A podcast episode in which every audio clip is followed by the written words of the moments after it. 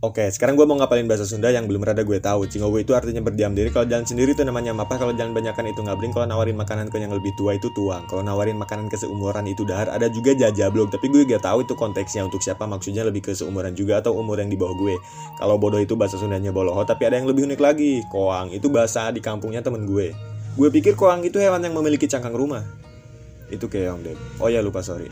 Hmm, apa lagi ya? Oh iya, kalau mau berak itu bahasa Sundanya modal, tapi ada yang lebih halus lagi yaitu kabeng beratan. Kalau misalkan lo izin mau berak ke rumah orang Sunda lo bilang kabeng beratan aja.